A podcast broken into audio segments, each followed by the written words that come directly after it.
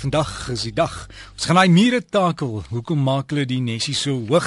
Ons gaan nou hoor by Prof Kobus van der Walt. Ek het klaar 'n paar SMS'e gehad. Almal sit groot oor en luister na wat jy gaan sê. Kobus, hallo Kobus. Môre Derek, môre al ons omgewingsvriende.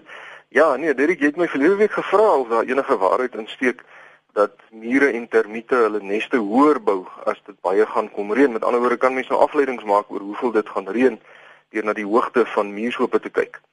Ek het dus 'n bietjie in die literatuur gaan soek en ek kon net een enkele wetenskaplike artikel kry wat iets hieroor sê.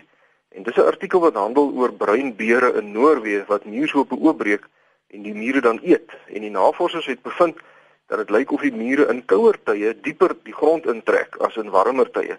Maar of daar enige verband is met die verwagte hoeveelheid reën word nie uh, bespreek nie. En uh, verder in, in my soektog het ek op baie interessante feite afgekom oor mure en spesifiek muurneste of dan termietneste wat ek nou graag vanoggend bietjie wil op uitbrei maar oor die hoogte of daar 'n verband is tussen die hoogte van die neste en of dit baie gaan reën die uh, seisoen kon ek net mooi niks raakloop nie behalwe 'n klomp uh, inligting wat nou nie as wetenskaplik beskou kan word nie. Maar kom ons as vir eers 'n bietjie oor 'n muurnes. 'n muurnes is 'n hoogs gespesialiseerde gebou met verskillende kamers waar voedsel gestoor word en na eiers omgesien word en so voort Die gewone werkermure wat nie vlerke het nie, is steriele vroulike mure wat die nes in stand hou en die koningin wat oor die eiers lê versorg. Nou periodiek broei daar swerms nuwe gevleelde koninginne en mannetjies uit wat dan die nes verlaat om nuwe neste te vestig. Die mannetjie sterf kort nadat hulle met die koningin gepaar het, maar die koninginmure lewe lank. Daar is gevalle opgeteken waar hulle tot 21 jaar lank kan lewe. Hoewel die meeste mure van verskillende muurshope nou aggressief teenoor mekaar is, vorm sommige muurspesies groot netwerke waar hulle hul neste aan mekaar verbind sodat daar reuse superkolonies gevorm word. En die grootte van hierdie muurkolonies is verstommend. In Japan is daar 'n kolonie waar daar 'n beraamde 206 miljoen werkermure is en meer as 'n miljoen koninginmure wat in 45000 neste lewe wat ondergronds verbind is met mekaar. Nou 'n hele klomp sulke superkolonies is gevind aan die kus van die Middellandse See en dit lyk asof hierdie superkolonies almal met mekaar verbind is en dit word nou genoem 'n megakolonie en hierdie megakolonie is langer as 6000 km. Nog so 'n superkolonie in Australië het 'n wyte van meer as 100 km. Nou sommige uh, mure bou hulle neste ondergronds en sulke neste kan tot 6 meter diep wees en dis gewoonlik in die kouer dele terwyl die tropiese mure of die termiete dan hul neste eintlik bo-gronds bou. En die hoogste muurshoop op rekord is hoër as 12 meter hoog. Nou hierdie is eintlik 'n termiethoop Maar die verstommende is as mens nou na die relatiewe grootte van mure kyk en hulle muurshope en dit nou met die menslike wolkekrabbers vergelyk, dan is 'n 12 meter hoë termiethoop omtrent gelykstaande aan 'n gebou wat ons dan nou sal bou met 'n hoogte van 2,1 km. Nou die hoogste mensgemaakte struktuur in die wêreld staan in Dubai en hierdie gebou is maar 830 meter hoog. Wat beteken dat termiete relatief tot hulle grootte in staat is om geboue te bou wat 2,5 keer hoër is as wat die mens kan bou. En dan is daar nog steeds mense wat dink dat mure nie intelligensie het nie. Maar nou goed, genoeg oor die muurneste. Kom ons gaan terug na die weer toe. Ek het afgekom op 'n hele klomp maniere waarop mense die weer voorspel het in die tyd voordat die mense nou al die tegnologiese hulpmiddels gehad het wat ons vandag het.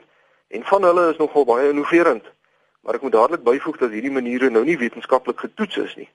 So eh, ek eh, daar is tog 'n paar van hulle wat vir my wetenskaplik nogal sin maak. So ek noem graag 'n paar sulke maniere. Eerstens het ek afgekom op 'n manier as 'n mens kyk na die gedrag van die borrels in die water as jy kookwater uit 'n ketel in 'n koppie ingooi as jy nou vir jou 'n koppie koffie maak. As die borrels vinnig na die kant van die koppie toe beweeg, dan is dit 'n aanduiding daarvan dat die lugdruk laag is en 'n lae lugdruk dui gewoonlik op 'n groter kans op reën. So Derek, as jy nou weer vir jou koffie maak, kyk na die borreltjies bo op die water. As dit almal teen die kant van die koppie gaan sit vinnig, dan weet jy dit kan dalk reën. As ons na die insekwêreld kyk, dan is dit bekend dat as bye nie ver van hulle neste afvlieg nie, maar die hele tyd om die nes bly draai, dit later daardie dag waarskynlik gaan reën. So as mens geen bye sien werk by jou blomme in jou tuin nie, dan is daar 'n groot waarskynlikheid dat dit later gaan reën. En dit het maar weer eens met die lugdruk te doen. Mure vertoon skynbaar dieselfde gedrag. Met ander woorde, as hulle naby hulle nesopeninge bly, as 'n reënstorm, uh, dan weet mense reënstorm is op pad en daar is ook gevalle dat mure soms self die opening van hulle nes sal toebou kort voor 'n reënbuig. Dit is ook opgemerk dat die kante van muurneste styler gebou word kort voor die reenseisoen. En verder lyk dit of sommige insekte meer aggressief raak as daar reën op pad is. So as jou hond skielik vol vlooie is en aan die krap gaan, kan jy maar verwag dat daar reën op pad is. Spinnekoppe se webbe word sterker gebou as normaalweg as daar reën op pad is en mense kan dit nou sien aan 'n groter hoeveelheid kruisversterkings wat in so 'n web voorkom. 'n Baie interessante ding, krieke word die arme man se termometer genoem. Want daar word beweer dat die herhalingsinterval van 'n kriek eh, van die van die chirp van 'n kriek vir jou die temperatuur kan gee. Die manier is jy moet die aantal chirpe wat 'n kriek in 14 sekondes maak tel. 14 sekondes tel die aantal chirpe wat die kriek maak en dan tel jy 40 daarbey en die resultaat van jou sommetjie sal dan vir jou die temperatuur in grade Fahrenheit gee glo. So 14 sekondes tel hoeveel kere die kriek kriek en dan tel 40 daarbey en dit is die temperatuur in Fahrenheit. Jy kan gerus kyk of dit werk. As mens na beeste kyk en hulle is mooi eweredig uitgesprei oor die veld, dan is dit mooi weer, maar as hulle saam koek of gaan lê, dan sê die mense is daar gewoonlik reën op pad. En dieselfde kan van die koeie se gedrag gesê word As hulle nou rusteloos in die melkstal is of minder melk lewer as gewoonlik, dan is daar skynbaar ook reën op pad. As mens na voëls kyk, dan word reën weer voorafgegaan deur voëls wat in strepe op drade sit of as hulle laer vlieg as gewoonlik. As mens skielik net swaalkies hoor chirp in die lug terwyl al die ander voëls nou stil is, dan is die reën ook naby. En by die see kan 'n mens aan steemiose gedrag sien of daar slegte weer op pad is want hulle is nogal logies, hulle sal eerder op die strand bly sit as daar 'n storm weer op pad is. As mens na katte kyk, dan maak katte glo om die een of ander rede gewoonlik agter hulle ore skoon voordat dit reën. En al hierdie goed wat ek genoem het word toegeskryf aan die verandering in lugdruk as dit kom reën. As ons na ander natuurverskynsels in die natuur kyk, dan weet ons dan eh, dat as die maan deur hoë vlieswolkies skyn snags of selfs 'n kring om die maan het, dan dui dit op reën binne die volgende paar dae. As ons na die wind kyk, dan sal 'n noordweste wind in die binneland van Suid-Afrika 'n aanduiding wees daarvan dat daar waarskynlik 'n koue front op pad is of dan ander tipe winde, 'n invloed van tropiese warmvochtige lug vanuit die noorde en dan kan mens ook daaruit voorspellings maak. Blare van sommige bome krul gewoonlik effens op as die voggehalte van die lug verander. 'n Mens kan ook die moontlikheid dat dit binnekort sal reën ruik want as die lug effens soos kompos ruik, beteken dit dat die lugdruk laag is en een van die bronne wat ek geraadpleeg het sê plante stel dan glo afvalgasse vry. Nou hoe waar dit is weet ek nie, maar ek het al gery kort voor 'n reën by die lug ruik so lekker. Nou, al hierdie metodes wat ek tot nou toe aangehaal het, het 'n element van waarheid in, seker, maar daar word ander weervoorspellingsmaniere wat oorgelewer word van geslag tot geslag wat baie soos boererate eh, klink ook in die literatuur gegee en ek noem graag so 'n paar van hierdie metodes net vir die interessantheid daarvan. En dis gewoonlik in die in die vorm van gesegdes wat van seevaders afkom. En die gesegdes lui een van die gesegdes lui red sky at night sailors delight. En 'n volgende een red sky in the morning sailors warning. As die lug rooi lyk met sonsondergang in die weste dus, dan assosieer die seevaders dit met hoë lugdruk en stabiele atmosferiese toestande wes van hulle wat na hulle op wat na hulle toe op pad is en dit dui op mooi weer vir die volgende paar dae. Maar as die sonsopkoms baie rooi is in die ooste, dan dui dit op 'n aankomende storm vanuit die weste. Nog so gesegde is rainbow in the morning gives you fair, fair warning en dit dui op reën later in die dag.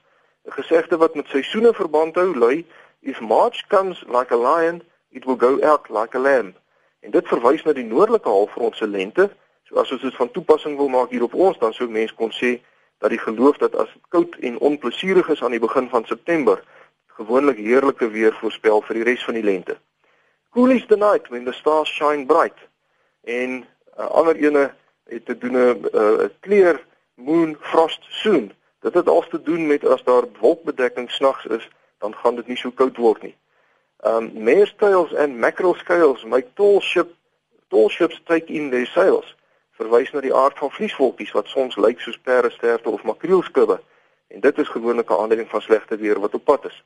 En dan die laaste gesegde wil ek spesiaal aan Gawie Strydom opdra wat elke Saterdagoggend vir ons so lus maak om te gaan visvang. En hierdie gesegde lui: When the wind is blowing in the north, no fisherman should set forth. When the wind is blowing in the east, it is not fit for man or beast. When the wind is blowing in the south, it brings the food over the fish's mouth. When the wind is blowing in the west, That is when the fishing is best. Nou ja, omgewingsvriende, party van hierdie weervoorspellingsmetodes klink vir my heeltemal logies, maar ander laat my dink aan die storie van die weerbureau wat die boesman se gedrag dopgehou het om te sien of dit gaan reën of nie en die boesmans wat op hulle beurt na die weervoorspelling oor die radio geluister het en hulle gedrag dien ooreenkomstig aangepas het. Kyk u maar gerus watter van die stories is waar of watter nie. Skryf gerus vir my. My rekenaaradres is kobus.vanderwalt@nwu.ac.za en my posadres is die fakulteit Natuurwetenskappe, Noordwes Universiteit, Potchefstroom 2520. Lekker rugby kyk later vandag en vriendelike groete tot 'n volgende keer. Dankie selfs vir jou Kobus en daai e-pos is kobus met 'n k kobus.vanderwalt by nwu.ac.za